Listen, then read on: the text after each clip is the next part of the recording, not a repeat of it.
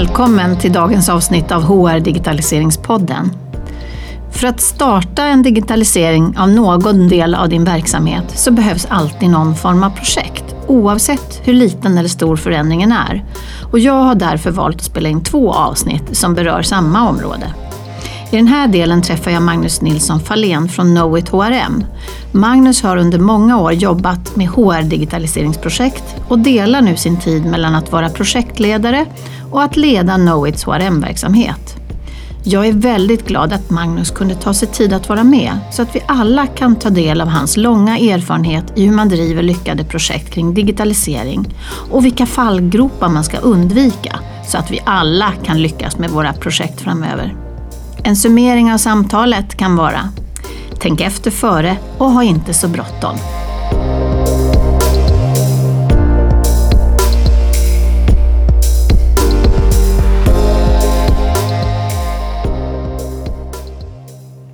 Välkommen Magnus! Ja, tack så mycket. Så kanske ska börja med att berätta lite om dig själv och din bakgrund. Ja, um, jag har um, uh, jobbat ganska länge inom eh, HRIT eh, och um, arbetat med, med, digitalisering av olika HR och lönefunktioner. Jag har gjort det de senaste 20 åren. Så att, det är väl därför som jag är här idag. Ja, vi, ska prata lite, vi ska prata lite grann om digitalisering av, av HR och löneprocesser, HR och lönefunktioner och det området. Mm. Hur kom du in på det från början? Ja, det är nog som, som alltid. Det är nog inte så att man har tänkt det här från början att nu ska jag jobba med digitalisering av HR-funktioner utan det är mer en, en slump att, att eh, jag fick sådana jobb som helt enkelt ledde till att jag blev ganska kunnig inom området. Mm. Och då då slumpade det så att, att eh, man blev efterfrågad i den typen av projekt. Och då, det är roligt med karriärval, att de är ja. en mix av eh, slump och ja. Eh, strategi kanske. Ja, man, man trodde ju att man skulle jobba med helt andra saker och att man skulle ut i världen och, och jobba utomlands. För att, mm. ja, är man ekonom och har läst internationell ekonomi så då, då trodde man det. Mm. Mm. Och så blev det det här. Och du är på Knowit. Ja, på Knowit HRM. Så eh, kanske berätta lite om mm. vad Knowit gör för de som inte vet det. Ja, Knowit eh, är ju ett IT och managementkonsultbolag och Knowit HRM är den delen som tar hand om frågeställningar kopplat till HR, HCM och, och, och lön. Mm. Och vi har som ansvar att hjälpa våra kunder att digitalisera och effektivisera den här typen av funktioner. Så vi rådger och hjälper till med eh, både eh, förstudier, analyser, upphandlingar, förhandlingar och genomförande av olika typer av projekt. Mm. Och du gör det personligen men du har du flera roller inom eh, jag gör det personligen, ja. Jag gör det själv, inte heltid, för jag är ansvarig för det här bolaget också. Mm. mm. Och sen så har jag också då 24 kollegor som, som, som hjälper till med de här sakerna också. Mm. Jätteglad att du är här, för det här är ju en otroligt viktig punkt när man pratar om digitalisering. Det händer ju inte av sig själv. Nej, verkligen inte. Nej. Nej. Så idag tänkte du och jag att vi skulle prata om just det. Hur, eh, hur lyckas man med digitaliseringsprojekt? Mm. Mm. Ja, det är någonting som vi verkligen brinner för. Så ja. Det blir kalas. Eh, så börja lite grann med eh, vad du tänker kring sådär spontant kring ett projekt. Vad är det för någonting som man var ska man börja någonstans mm. när man är en HR-organisation eller en ja, verksamhet? Ja. Det, det, är väldigt lätt att, att eh, börja med att säga att vi ska digitalisera vår verksamhet. Och, och, HR har väl varit ganska sent ute på att digitalisera sina, sina processer och funktioner eftersom eh, det kanske varit drivet av andra eh, funktioner och eh, avdelningar tidigare. Både hos bolag, organisationer och, och offentliga mm. institutioner. Um, det, det, viktigaste man ska tänka på i början det är ju verkligen att varför gör man det här överhuvudtaget? Vad är det för effektmål som man vill uppnå? Och för vem vill man göra det här? Och för vem vill man göra det bättre? För digitaliseringen i sig är ju inget självändamål utan det är ju verkligen vad får man ut av det hela? Och digitaliseringen är ju då ett verktyg. Eh, en, en, en, en tillgång i, i det hela eh, för att göra det här på ett, på ett bra sätt. Och, um, det, det tror jag att det är väldigt viktigt att tänka till verkligen två gånger extra innan man startar saker och ting. Så att man inte blir alltför hängiven och tittar på vad andra har gjort och det, ja det ska vi också göra. Ja. Eller, eller eh, man träffar någon systemleverantör som har någon ny digitaliseringsfeature och så säger ja det där var ju jättecoolt, det ska vi göra. Och det kan lösa det här lilla, lilla problemet Ja, vi har i ett hörn. Ja, absolut. Och det kan ju till och med göra saker och ting lite mer komplicerat för det, det skapar tre nya problem som man inte har löst. Då, så att säga. Så den delen eh, är vi eh, jättemåna om att, att, eh, att hjälpa våra kunder med att, att ordna. Vad ser du driver eh, idag digitaliseringen? Vilka, är det, vilka initiativ är det som egentligen startar projekt? Ja, det är väl egentligen, det är egentligen ur två olika eh, synvinklar. Det första är ju ett, ett automatisering och effektiviseringsbehov som ofta kommer från, från bolags eller organisationsledningar. Att vi behöver göra saker och ting mer effektivt för att spara pengar. Och då blir digitaliseringen ett verktyg där i att kan man göra det här mer effektivt. Vi pratar ju mycket om automation, eh, robotisering, eh, göra saker och ting mer effektivt så att säga. Och det är ju mm, väldigt behändigt att, att göra dem och använda den typen av verktyg när vi pratar om väldigt höga tal av transaktioner. Repetitiva saker som ska göras ofta, varje månad, varje vecka, varje dag och så vidare. Ehm, där vi kan ersätta det manuella arbetet med, med, med eh, robotisering och automatisering.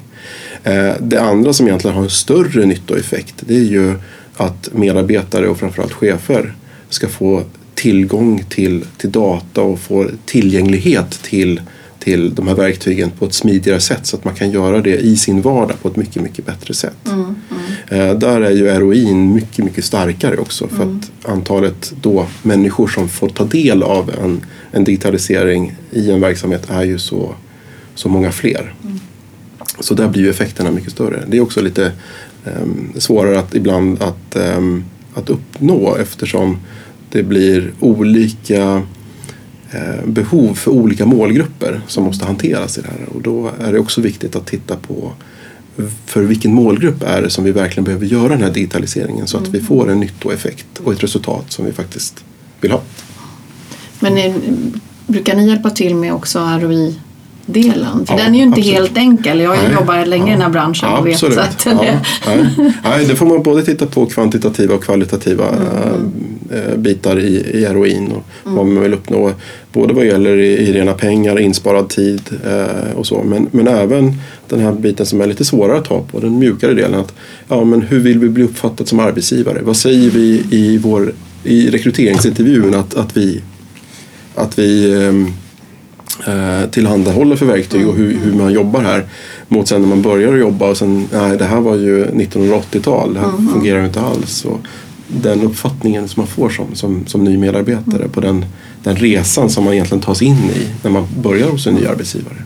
Det som är lite hypat idag då, eh, employee experience Ja, pratar man precis. ju om. Ja, att eh, resan. Men jag upplever fortfarande att det, det kan vara lite svårare för HR att kunna liksom, få den finansieringen av projekt Mm. eh, som bygger ändå på det. Utan det är lättare att kunna beskriva och få liksom, acceptans för att det här måste göras för att det ska bli effektivare. Mm, Eller så, har du sett någon förändring där? Nej, det, det, det är helt riktigt. Alltså när, när, när det blir lite mer eh, hårda fakta och, och man kan på ett enklare sätt räkna hem pengarna och eh, framförallt också om, så här, ja, men om vi inför det här digitala verktyget så kan vi stänga ner de här applikationerna, gamla. Då, då, då blir det liksom enklare att argumentera för det hela. Däremot så är själva upplevelsen av hur man eh, hanterar olika saker inom, inom bolaget och vad man också som medarbetare får för verktyg att, att utföra sitt arbete. Det kommer ju vara extremt vitalt i, i, i framtiden. Det är det redan idag. Tittar man på de yngre medarbetarna som, som vi anställer. Eh, det är klart de har ju helt andra förväntningar kring hur det här ska fungera kontra hur det kanske faktiskt fungerar i vissa lägen. Så att, eh, och det problemet har nog väldigt många organisationer. Det, Ja, faktiskt intressant. eh, Det har vi inte pratat om innan. Men jag eh, lyssnade på en podcast. Mm. jag lyssnar ju självklart. Jag lyssnar på David Green. Ja, ja, just det, Eh, ja. Och han intervjuade i, nu i januari, eller släppte en kring från TI People som är ett analysbolag. Det kanske du känner till? Absolut. De har precis gjort en, en vad kallar de, research report. Det är väl forskning, jag är osäker om man ska kalla det forskningsrapport. Men på Employee Experience och bland annat så har de siffror med där kring hur man kan då mäta effektivitetsökning, produktivitetsökningar och sätta pengar på det som eh, tips till både lyssnarna och eh, ja, superintressant. Mm. För det är ju inte lätt. Eh, och vad, du som har då jobbat, ni är många som jobbar tillsammans och gör många olika typer av projekt. Vad är de största, eh, vad ska man säga, eh, fällorna eh, för en HR-avdelning när de ska starta ett projekt? Hur, vad är det ni behöver hela tiden påminna om som kan vara bra att tänka på innan man ska gå in i någon form av digitaliseringsprojekt? Ja, det, det första är nog det som vi knyter an till lite tidigare att, att man, man måste veta varför man gör det hela. Mm. Att man måste ställa sig frågan varför flera gånger om mm. och för vilken målgrupp. Mm. Så att det blir eh, den effekten som man verkligen vill ha ut av det hela. Gör man den analysen noga så är det också enklare att argumentera varför man gör detta. Naturligtvis. Så är det. En, en annan del är att vi ser att vissa kunder blir väldigt betagna av olika digitala lösningar. Man tittar på vad andra företag eller organisationer har gjort. Eh, man lyssnar in vad leverantörerna naturligtvis med all rätt säljer in. Eh, och man ser också vad man nyttjar privat. Mm. Och tror att det går att applicera detta direkt hos oss som organisation. Mm, mm. Och det ska vara så enkelt och det, ja, det fungerar utan problem. Och då har man inte heller gjort analysen Nej. fullt ut. Utan man, man går all in till det hållet och sen så, så kör man på och så inser man att nej, men vi kommer inte uppnå det vad vi faktiskt vill ha. Mm, mm. Och sen är det ju också så att i många projekt så, så, så ja, jag ska nog säga att missar våra kunder i alla fall um, den här delen kring hur mycket resurser det ändå krävs i att införa saker och ting. Mm, mm. Man säger så att ja, men när vi väl har valt någonting och bestämt oss för att det här vill vi göra, de här digitala verktygen vill vi använda. Ja, då, då, då är det ju bara början eh, på, på arbetet. Sen ska man ju införa detta och sen ska man också leva med det och förvalta och utveckla det hela.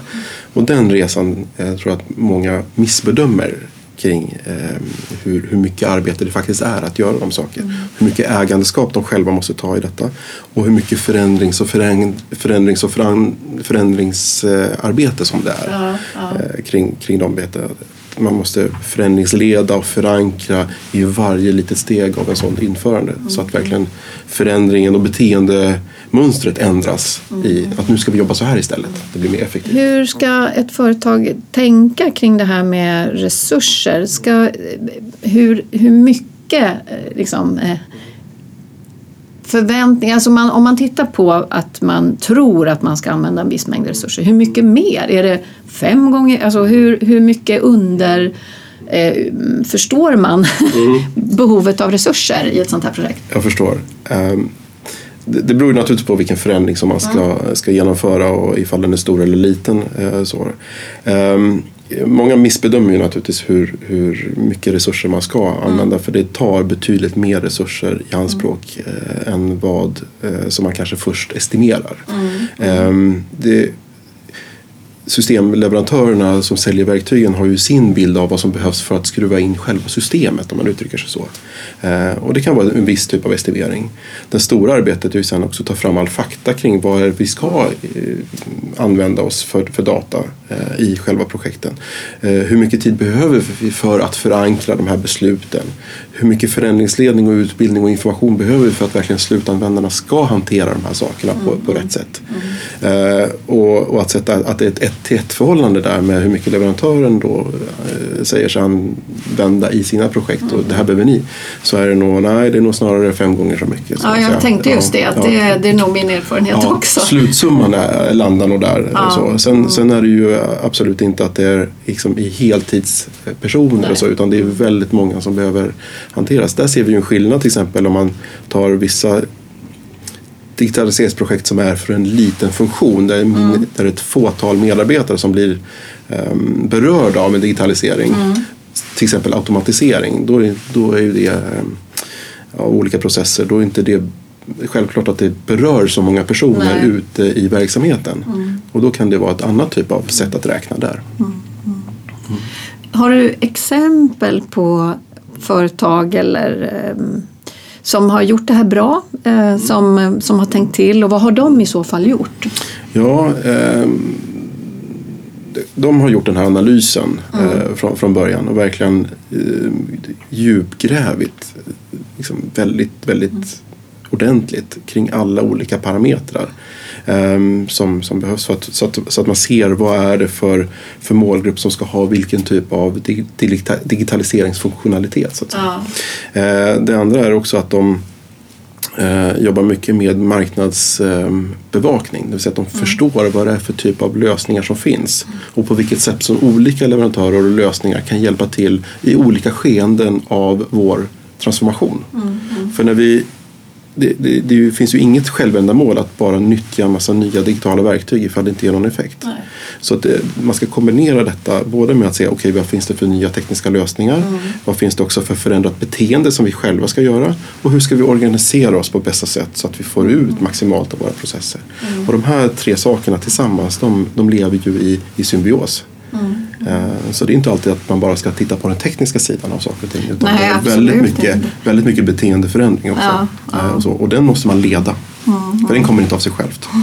Så att det, det, mycket i vår värld handlar i, idag och även imorgon om att hjälpa kunderna att se till att den här transformeringen av HR blir så lyckosam som det bara kan bli. Mm.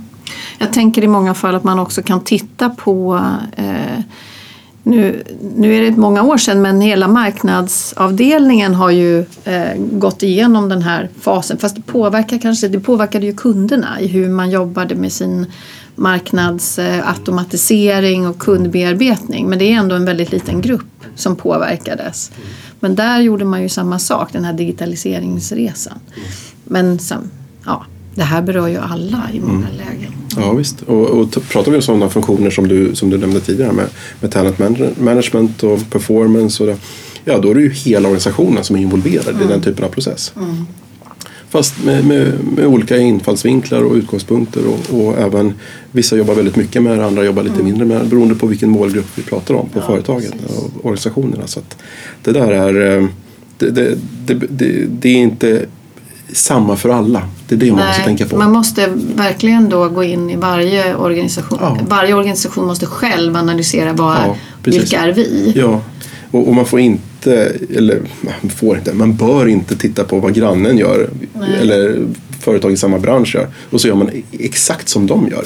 För man kan ju lika gärna vara lik en, en helt annan bransch egentligen ja, utifrån sin struktur eh, var man Absolut. befinner sig, ja. vilken typ av personal man har, ja, eh, kompetensnivå, mm. massa olika saker när det gäller det här. Och det är liksom lite så, det, det, är ungefär som man pratar om best practices och så. Så att, mm. ja, om, man gör, om alla skulle göra best practice då gör ju alla lika. Ja, det är ju... ja, mm. Och då gör ju ingen olika och då, då, det är ju ingen som har konkurrensfördel då mm. med det man gör. Nej. Så man måste ju tänka till hur liksom vi själva ska tweaka till det här så att vi får ut ja, mest pang för pengarna. Ja, precis. Det, det är lite så. så, det, så det gäller väldigt mycket att tänka ja, före. Ja, mm, tänka före. Mm. Eh, och inte bli medryckt i olika typer av scenarion. Att det här, mm, det ska vi göra och sen så tutar man och kör. Men vilka ska vara med och tänka? Ja, eh, Hittills har det varit väldigt mycket att det har varit de som har kunskap kring den här funktionen så att säga. Mm. Det har varit HR framförallt som har tänkt till och så har de sett att det här eh, borde vi göra. Ehm, vi är ju av, av ehm, åsikten att här ska man involvera framförallt olika typer av chefsled mm. väldigt, väldigt mycket mer. Allt ifrån företagsledning till affärsområdeschefer till, till första och andra linjeschefer. Mm. Därför att i slutändan så all typ av förändring kommer att gagna den typen av positioner. Mm. För det är antingen så att får vi mer effektiva processer, man får ut mer data, eh, det blir en bättre medarbetarupplevelse, mm. eh, vi får kan göra bättre analyser på vår egen verksamhet. Vi kan helt enkelt bedriva vår verksamhet bättre. Mm. Och det är ju ett chefsansvar. Mm. Mm. Så att till mångt och mycket så uttrycker vi oss lite fel när vi pratar om att det är HR-applikationer och sådär. Ja, Utan det här är egentligen en form av eh, chefs och management-applikation. Det, är en styra. Hela den här digitaliseringsresan hjälper till att styra på ett bättre sätt. Precis, och jag brukar jämföra med och har också sett eh, att det nästan är som ett ERP-system för mm. personalen. Alltså det, är ju, det är ju lite mm. samma tankesätt. Ja. Ja, och vi kommer in mycket mer på ja, men hur ska vi nyttja den här datan som vi ändå samlar eh, ihop och mm. samlar på oss. Och, ja, och tittar man på olika typer av BI-lösningar, att kunna cross-tabulera och, och, jämföra data mellan, mellan olika typer av um, funktioner. Och, och, det är då som det verkligen blir intressant mm. att se att ja, inte bara titta på ja, men, eh, vilka resultat vi har i den senaste performanceundersökningen utan mm. koppla ihop det med, med, med, resultat eller kundnöjdhet eller någonting annat och se mm. okej okay, vad beror saker och ting egentligen på. Mm. mm. mm. Det är då vi får ett ökat värde. Men hur många är det som ännu inte har några HR-system. Om man tittar på liksom funktionalitet. Mm. Vi kan ju prata lite om AI och den typen mer avancerade lösningar. Ja, men, men jag upplever att det fortfarande är väldigt många som ja. som är ganska basala i sin ja. teknik eller stödsystem. Ska man säga. Ja, vi, vi brukar prata om en, en, en, skala där vi, där vi har på ena kanten um, ja, traditionell syn på HR eller ja, vi kan också kalla det för digital omognad. Mm. Eh, och på den andra skalan, eh, änden av skalan så har vi att man är ganska avancerad i sitt tänk och, och att man har en form av ja, modern syn på, på, på digitalisering. Och det är klart att ja, Eh, den här skalan förskjuts ju alltid mm. hela tiden eftersom tiden går framåt. Men, men eh, många kunder är ju fortfarande på, på, på den bortre sidan av, av skalan så att mm. säga. Mm. det behöver inte säga, betyda att de inte vill, vill jobba med digitalisering och, och varje insats där då gör ju faktiskt en större effekt. Ja. Eh, varje steg man tar på den här skalan är ju ett stort framsteg mm. och lyfter ju organisationen som helhet på, på ett ganska ganska stort sätt. Mm, det är som alla för en, man tar ja, ett stort ja, steg först och sen ja, blir det inte lika tydligt kanske. Fysikerna brukar prata om kvantsprång och, och man behöver inte alltid ta kvantsprång men mm. man kan ju ta eh, så länge man gör initiativ och, och, man förflyttar sig på den här skalan mm. så, så gör man ju eh, någonting bra mm. eh, på så sätt. Sen så gäller det att välja vilka steg man ska ta. så att säga. Eh, men det, det stämmer, de flesta kunder eh, som i alla fall hör av sig till oss och som vi jobbar med har ju liksom en, eh, ja, har, har många steg att, att, att ta. Mm. Sen finns det även andra kunder som, som är mer avancerade då och, och men jag tänker att eh, de jag möter också är att det är många som, att det är förvånansvärt många som är ganska omogna eller har ganska låg digitaliseringsnivå än så länge. Så det är kanske skönt att höra för de som lyssnar då att ja, ni inte är ensamma. Nej, de är inte ensamma. Nej, precis. Och, och, samtidigt så finns det också en hel del företag som, som har kommit långt mm. i sitt tänk att, att eh, att digitalisera de här funktionerna och framförallt välja ut vad i sin HR-transformation och digitaliseringsresa vad det är för steg som de ska göra som mm. verkligen får effekt. Och det, det är verkligen glädjande att, att se. Tycker du att den här typen av projekt skiljer sig mycket från andra HR-projekt? Nu vet jag inte hur mycket sådana alltså mer traditionella ledarskapsprojekt och alltså den typen Nej, alltså, eh, eh, ja, i grunden ett projekt är ju ett projekt. Ja. Så, att säga. så det ska ju ändå, det ska ju ändå genomföras. Så ofta så har man ju någon form av metodik eh, i, i själva genomförandet av ett projekt. Så att säga. Här handlar det mer om vilka intressenter man har med. Mm. Och vi var ju inne på det lite tidigare här att, att eh, HR-projekt tidigare så har man kanske haft intressenter från HR, ibland från lön för de har koll på data, ifrån IT, från finance eh, och, och den typen av funktioner. Och man har och sen kanske man har någon från verksamheten. Mm. Så det blir någon form av stabs verksamhetsscenario på 80-20. Ja. Och egentligen för de som använder sig av det slutresultatet så är det ju förmodligen 2080. Mm. Så att här skulle man ju vilja att man lyssnar in väldigt mycket mer på vad verksamheten de facto har för behov. Mm. Och inte kanske alltid lyssna på den som internt skriker högst Nej, och, och, mest så att säga. För det löser en, en mindre funktions um, ja, problem om man får uttrycka det mm, på, mm. på, på, det sättet. Um, så att, um, och det är därför som jag tror att det här med employee experience och även manager experience mm, och, och, att det kommer in mycket, mycket mer i den här typen av projekt. Att man mm. lyssnar in den typen av ja, verksamhetsbehov. Vad finns det egentligen där ute som behöver lösas? Mm, mm. Och så lägger man väldigt mycket tid och energi på att lösa de bitarna. För då blir man ju hjälte internt också. Ja precis, då får man ju, för det är, ja, alla rapporter och sånt som du också säkert läser så är det ju att, eh, att få verksamheten att använda det nya sättet att arbeta, vad det nu må stödja för någonting, är ju den, det är det som är, är både problematiska om man inte har tänkt till men också det som ger mest, det är ju det som är effekten och det är där många faktiskt misslyckas. Mm. Vilken, eh, om man tänker på den här förändringsledarrollen mm.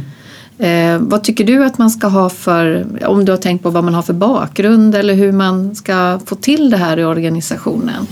Du menar ju själva som den positionen som Ja, jag tänker att, för det är ju en viktig del i Ja, absolut. Ja, och de ja. som vi har träffat på har väldigt, vad ska man säga, brokig eller annorlunda ja, bakgrund. Kanske därför min fråga kom ja, också. Ja, visst, och eh, också när vi, när vi tittar på när vi själva söker förändringsledare mm. eh, som, som ska jobba hos oss men även internt hos våra kunder när vi får en, eh, ja, en person anvisad som säger att ah, den här personen XYZ är mm. förändringsledare mm. så är det otroligt olika bakgrund på de personerna. Mm. Eh, vissa har haft eh, erfarenhet av den här typen av projekt tidigare. Vissa har mer vad ska man säga, psykologisk bakgrund mm. och, och, ska hjälpa till att ja, förändra människors beteenden och mm. vad vi ska tänka på i den typen av projekt. Några har en väldigt eh, stark bakgrund in, inom utbildning och information. Mm. Eh, så så att, eh, där skulle jag säga att det finns nog ingen, ingen eh, ehm, det finns ingen mall? Nej. nej det, det, finns det någonting du skulle vilja att man tänker på i digitaliseringsprojekt då? Ja, kring förändringsledning? Framförallt är det kopplat till att man ska vara, dels ska man ju förstå vad, vad, vad man håller på med naturligtvis mm. men, men i, i, nästa del så är det också att ja, men vad är det för någonting i den här organisationen som verkligen är de springande punkterna? Mm. Vilka är personerna där ute som, som ska ja, övertygas eller framförallt kanske ja, man ska få med alla på, på, på resan så att säga och vad är det för triggers som, som, som gör att det här blir så bra som det bara kan bli och att man ska börja i tid också. Mm, mm. Eh, jag skulle nästan vilja se att man börjar redan eh, under, under en analys och förstudie liksom, med förändringsledning för att verkligen se att okej, okay, om vi gör så här och så här, alltså det blir en del i själva analysen. Ja, vad, vad, vad händer då? Hur, det hur, kanske man inte tänker på så mycket att allt man gör och inte gör skapar ju en, en förändring. Ja, ja. Så att det är ju allt från dag ett ja. egentligen. Sen tror jag också det här med vilka förväntningar kommunicerar vi i början av ett, mm. av ett införandeprojekt till de som inte varit med i, det här, eh, i analysen och, och val av, mm. av eh, verktyg. Ja. Eh, och så säger jag så här, nu ska vi göra det här, det kommer bli fantastiskt bra, vi gör, ni kommer få hjälp med allt det här. Och så har man en lång lista på, på massvis med punkter och så kommer det här förändra liksom, hela deras arbetssätt. Mm. Och sen så kan det ju, vara, det kan ju finnas en risk att vi inte riktigt uppnår allt det här.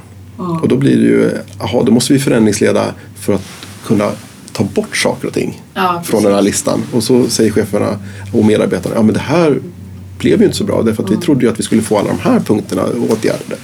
Och så, vidare. så där gäller det att vara väldigt, väldigt medveten om hur man också kommunicerar och eh, internt säljer in eh, den här typen av projekt och resultat. Jag tänker att det är också det här psykologiska med att ta bort förmåner jämfört med att lägga till. Ja. Det är ju extremt... Absolut. Så här. Och, och, här känner vi att ja, men, fler och fler börjar ju prata om att, att arbeta agilt mm. och det finns ju många definitioner av agilt och det finns mm. många definitioner av, av, agil HR och så vidare. Men just det här med att man, när man väl är, är live med olika typer av, av verktyg så alla förändringar som man gör, mm. de blir ju i princip agila. Eftersom ja. man gör små snabba eh, släpp av ny funktionalitet eller man ändrar någonting där, man, mm. färg, ja, man, man tweakar en, en process där och där. Um, då kommer man in mycket mer liksom, vad ska man säga, snabbfotad och lättrörlig materia att göra förändringar. Men det är en viktig punkt det där, för det kanske mm. också är någonting mm. om man inte har gjort den här typen av projekt innan, att man inte man tror man måste lösa allt direkt och det kan jag uppleva att man, man tror man måste liksom ha systemet som gör allt alternativt. Eh, men mycket i dagens värld med de här olika SAS-lösningar alltså, eh, som finns mer som man inte behöver bygga, det, det kan man tweaka ja. mycket. Ja. Och lägga till funktionalitet. Helt rätt som du säger. Det, det man måste ha på plats det är ju basdatat. Det är mm. ju liksom, eh, så att man har liksom grunddatat på plats för att kunna göra de här processförändringarna. Mm. Så att det, ja, man får in anställda, man, man har en offboardingprocess som fungerar, man eh, har liksom grundstrukturen, organisationsstrukturen på plats. Mm. Det, då, Eh, har man det och det fungerar och flödar mm. smärtfritt, mm. då har man kommit en väldigt lång bit på väg. Det i sig, när man inför det, blir ju ingen halleluja-stämning. Det, det, är ju inte så att man bara Nej, går, wild and crazy på, på en sån sak och, och tycker så här, ja men wow, det här var ju helt fantastiskt. Vi har fått ett organisationsschema. Så nej, så här, ah, nej det, det, går ju ingen igång på. Så Men det är en grundförutsättning för att kunna göra de roliga sakerna. Det var någon som sa att men det är ju som att man måste äta spenaten innan man får äta glassen. Mm. Och det är lite så som det är. Och i det här fallet, med ditt exempel, så kanske man ska äta mm, små glassar. Precis. Helt enkelt då. Och få ta det liksom lite, lite pö om pö. Ja. Men ändå ha tempo i det. Mm. För då tror jag att man faktiskt får in det här att amen, de som nyttjar den här typen av, av processer och funktioner de, ja, de ser att det händer saker och ting. Och det blir framsteg. Som man gör det här. Och det är ju det här agilt om man tänker ja. Att kunna vara, mm. skapa små mm. saker. Ja, och dessutom kunna ha med och förändra saker ja. framöver. Ja, mm. precis. Ja. Mm. Så, att, eh, och så det är en avvägning man får göra. Liksom.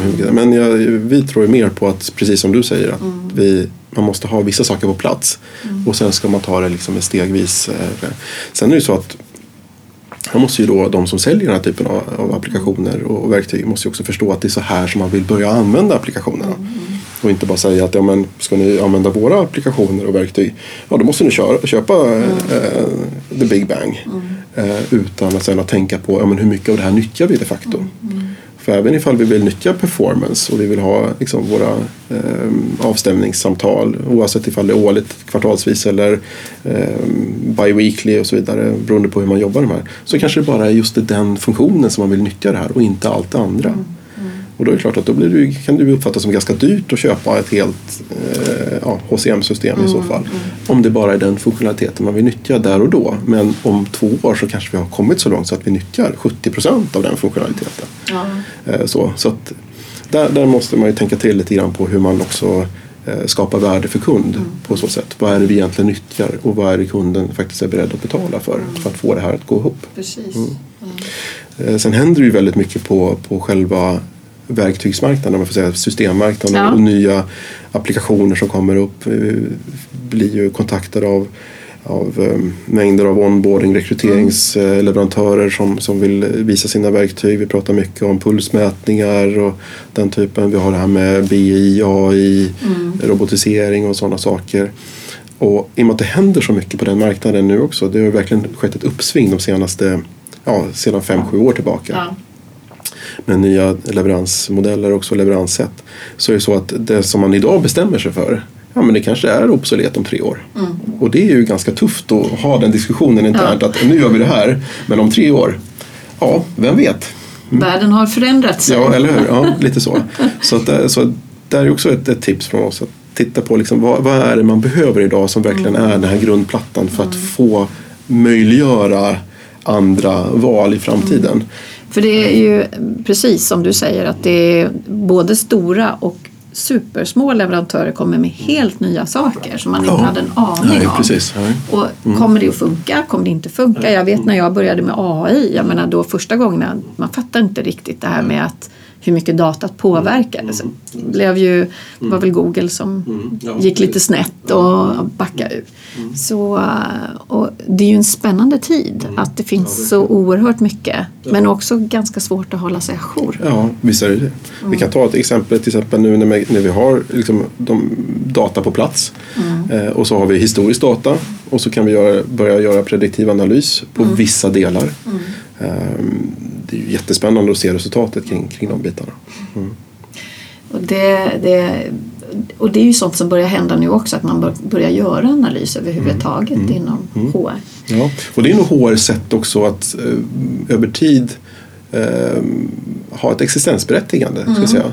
Därför att den, den, den analys och den, den datan som man kan samla in och ge den till sina kollegor som fattar mm. beslut mm. och ha ännu bättre beslutsunderlag och inte bara säga att vi tror att det ser ut som det gör mm. utan att vi faktiskt med, med, lite självsäkerhet kan säga att ja, det här vet vi.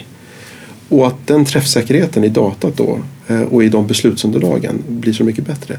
Det gör ju faktiskt att, oh, men titta här, nu levererar den här funktionen väldigt bra beslutsunderlag mm. vilket gör vår verksamhet bättre. Och jag tror det är också mycket lättare att få igenom framtida projekt för att man kan jag menar det handlar om, det är självklart att man har en erfarenhet och magkänsla. Men man måste på något sätt för att verkligen få visa vad man kan och kan åstadkomma bekräfta det med data. Ja, precis. Och så är det ju med alla typer av beslut att vi har en känslomässig del och en faktabaserad. Ja, visst är det så. Och, det, och ju bättre HR-funktionen kan vara på att liksom, argumentera för sin sak och också komma fram då med, med bättre beslutsunderlag. Desto, helt riktigt som du säger, desto mer kommer man få göra inom det här området. Um, för är det så att de inte har gjort det och, och man skulle säga så att det blir en lågkonjunktur och man måste skära i antalet projekt som man har på ett företag eller hos en organisation. Då, ja, då är det ganska lätt att säga att ja, men det här nice to have-projektet, ja, ny performance-modul eller något sånt där. Om man nu tycker att det är ett nice to have-projekt, vilket jag inte håller med om, men Nej. vissa har den, vissa har den, eh, den, den bilden. Eh, Ja, då stryker man det projektet helt enkelt. Precis, men har du då länkat det till eh, att du har utmaningar med rekrytering och att du behöver behålla, du har medarbetarengagemang ska gå upp jag menar då, och siffror på det och precis. ser det. Mm. Titta bara på att vi vet att vi ska eh, växa med 20 procent över tre års sikt. Vi har en personalomsättning på 10 procent och sen helt plötsligt så ökar den omsättningen till, till 13 procent. Hur många fler nettorekryteringar behöver vi göra över de här tre åren? Det är ju mastodont mycket när man, när man räknar på det. Och bara kunna påskina det liksom och påvisa hur man ska hantera detta. Ja, ja, och se var det ligger någonstans Ja. och direkt kunna... Ja, precis. I vilken och då region. kräver det ju att, eh, att man har tagit stegen och har någonting man kan plocka ut den här informationen precis. ifrån. Ja, absolut. Så, så. Så- Så att, och, och det, nu ska man inte liksom racka ner på det basala i att när man har en organisationsstruktur och grunddata på plats. Men för vissa eh, ledande personer hos, hos våra kundorganisationer när de ser hur det ser ut totalt sett, både liksom i ett land eller flera länder eller för, när det är riktigt stora organisationer. Och så får de liksom bara lite jämförelsedata. Att säga, ja, men man är så här många på marknadsavdelningen där och här jobbar vi med sälj så här och där har vi produktion. Bara den delen när vi säger sen att ja, men, man ska till exempel ersättningsrekrytera. Och man så här, Bara den överblicken gör ju att man blir effektivare i sig. Och kan ta en bättre informerad Ja, beslut, beslut. Ja, för hela ja verksamheten. precis. Ja, så, att, så det finns många fördelar med detta. Vilka är, ehm, jag antar att du har träffat företag där och har fått hjälpa till att rädda projekt och Mm, så. Vilka är de största, eller största, vilka är de vanligaste fallgroparna som man gör när man ska gå in i någon form Ja, av ja, det, det, det, finns ju några. Dels är det tillbaka till det här att man inte har gjort den här analysen. Då, att man har gått eh, all in på, på en lösning där man kanske inte riktigt förstod vad resultatet skulle bli. Eh, Så, eh, att det finns en missmatch mellan i förväntningar av vad kunden tror sig ha köpt och vad verktyget faktiskt kan leverera. Så. Eh, och det behöver inte vara eh, systemleverantörens eh, eh, fel i det, utan det kan vara att de har varit väldigt transparenta medan kunden har hört någonting annat. Det är ju det att där, kommunikation är svårt. Kommunikation är svårt ja, och, och förväntans synkronisering är Ja. jättesvårt. Eh, och i andra fall så är det ju att man har tittat på eh, resurshanteringen i, i projekten så att säga. Man har kommit så långt att säga att oj, vi har missbedömt eh, antalet resurser som vi behöver här.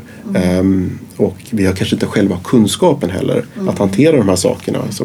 Och det kan ju både vara att man har liksom, ehm, ja, missbedömt från början men också att, då att det händer saker och ting i projektet. Personer slutar, eh, någon går på föräldraledighet och så vidare. Och så måste man liksom hantera detta på, på det sättet. Men jag skulle säga att oftast är det nog den här, eh, den här kommunikationen som, som fallerar. Att man förstår inte riktigt vad man har köpt och vad projektet innebär och vad slutresultatet ska bli. Nej, så det här tänk efter före. Ja, precis. Ja, Ja, mycket. precis ja.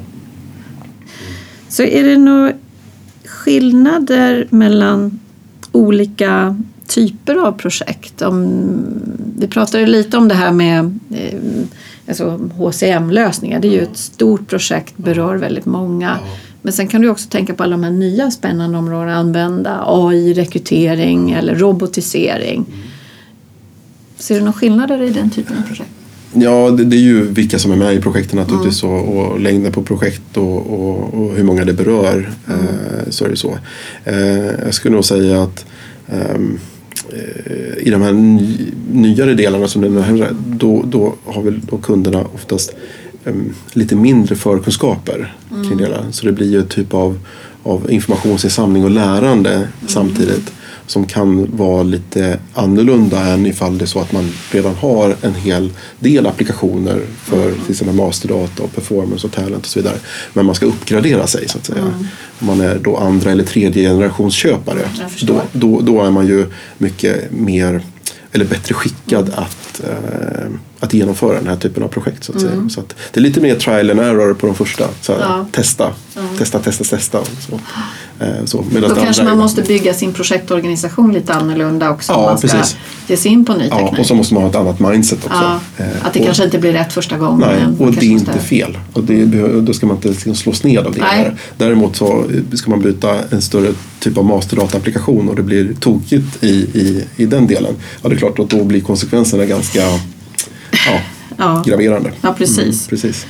Mm. Och eh, vi pratar, ni jobbar ju också med offentlig sektor. Ja, precis. Skillnaden mot privat, vad behöver man, finns det olika saker man behöver tänka på? Ja, eh, just nu så är det ju ett, ett himla svung på den här marknaden totalt sett. Mm. Eh, och eh, det finns ju många leverantörer som då kommer från Ehm, andra delar av, av ja, inte bara Sverige utan, utan utifrån Europa och även andra delar av världen.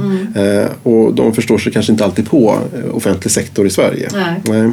Eh, in, både utifrån ett perspektiv att hur man jobbar inom offentlig sektor men även, eh, jag tänker då till exempel på hur man handlar upp och, och mm. LOU som mm. då ställer krav på hur man besvarar. Och, och, när man pratar om ny teknologi och ska införa detta så kan det vara ibland svårt för offentliga eh, organisationer att kravställa på ett sådant sätt så att verkligen man får ut den totala nyttan av nya tekniska verktyg. Okay. Eh, det går ju att naturligtvis använda sig av olika typer av förfaranden vad gäller offentlig upphandling. Eh, men det, det, är ändå liksom, det blir en liten så här det kan uppfattas som en våt filt ibland över frågeställningen. Mm.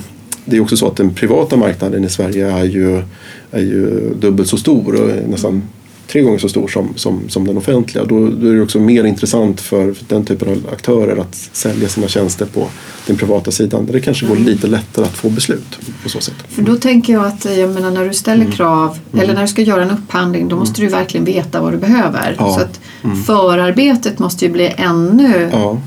Mer, alltså, mer utmanande ja. för en sån organisation och lärandet. Ja. Visst är det så. Och samtidigt vill vi ju ha en dialog med alla parter som, som, ja. eh, som är med i det här för att mm. verkligen se till att skruva och tweaka och se blir det här bra? Nej, det här blir inte bra. Blir det här bra? Och det kan ju vara ibland en utmaning i en offentlig upphandling att, att hantera det. Mm. Um, Sen är det också ganska dyrt att göra en offentlig upphandling ifall man ska tänka på alla då resurser. Och om du säger då att ja, man måste göra den här analysen ännu mer noggrant mm. än man skulle göra, ja då blir det ju ännu mer kostsamt egentligen Nej. innan vi ens har bestämt oss och se ifall vi ska göra någonting eller inte. Mm. Så det där är ju ett moment 22 tyvärr mm, som, mm. som tyvärr är, blir en black om foten eh, för, för den offentliga sektorn. Mm. Eh, sen har vi också den här inställningen kring ja, hur, hur ska vi ta, få tillgång till saker och ting? Mm. Um, och där, där finns det en diskussion just nu uh, inom det offentliga kring hur ja, får man nyttja cloudtjänster eller mm, inte? Var får data ligga? Alltså var ska det herbereras någonstans? Ja, ja. Uh, och, och sådana såna frågeställningar. Och det är klart att det påverkar också möjligheten för chefer och medarbetare att ja, men hur kan jag nyttja olika applikationer och vilken typ av applikation får jag, får jag ta del av? Mm. Så det blir också en, en frågeställning att, att, hantera. Och den, den är ju också mm. Den tolkas ju olika mm. inom olika, om jag har förstått mm. rätt, liksom hur regelverket ja, ser ut. Absolut. Eh, mm. Så det, det, är inte helt, det är nej. ingen sån där glasklar nej, nej. vad gäller nej, precis, nej, Så att man vet inte riktigt vad man ska ta ställning till. Nej, precis. Mm. Mm. Jätteintressant mm. diskussion. Jag har inte skrivit ner några fler mm. frågeställningar. Är det någonting som du tycker att jag har glömt att fråga dig om? Um, nej, jag tror inte det. Vad bra. Det, ja, ja, det känns som att vi har liksom, täckt in det mesta. Ja, ja. Mm. Så då hoppas vi bara att alla lyssnare får mm. en, en kanske en liten tankeställare mm. kring om de ska starta nya projekt mm. och ta mm. lite hjälp eller ja. tänker till. Framförallt oavsett vad så ska man tänka till före och jag mm. tänker gärna att till två gånger om. Mm. Så att man vet vad man gör för någonting. Så att man får ja, det är lite det här att inte bli, ha för bråttom. Det är lätt att det är mm. jätte... Mm. Plötsligt har man ja. bestämt sig så ska man göra saker snabbt. Precis, ja. Och det är ju så att sitter man till exempel i, i, i situationer där ja, men nu, eh, ja, nu kommer den här applikationen som vi har. Eh, den kommer att eh, gå ur tiden. Mm. Ja det är klart och då har man ju lite mer bråttom ja. än om man bara fick välja fritt själv. Mm. Så att det är också, gäller att um, tänka till i tid där också så att mm. man kan planera tiden på ett bra sätt. Mm. Jätteintressant. Tack så mycket för att du kom. Ja, tack så mycket Anna.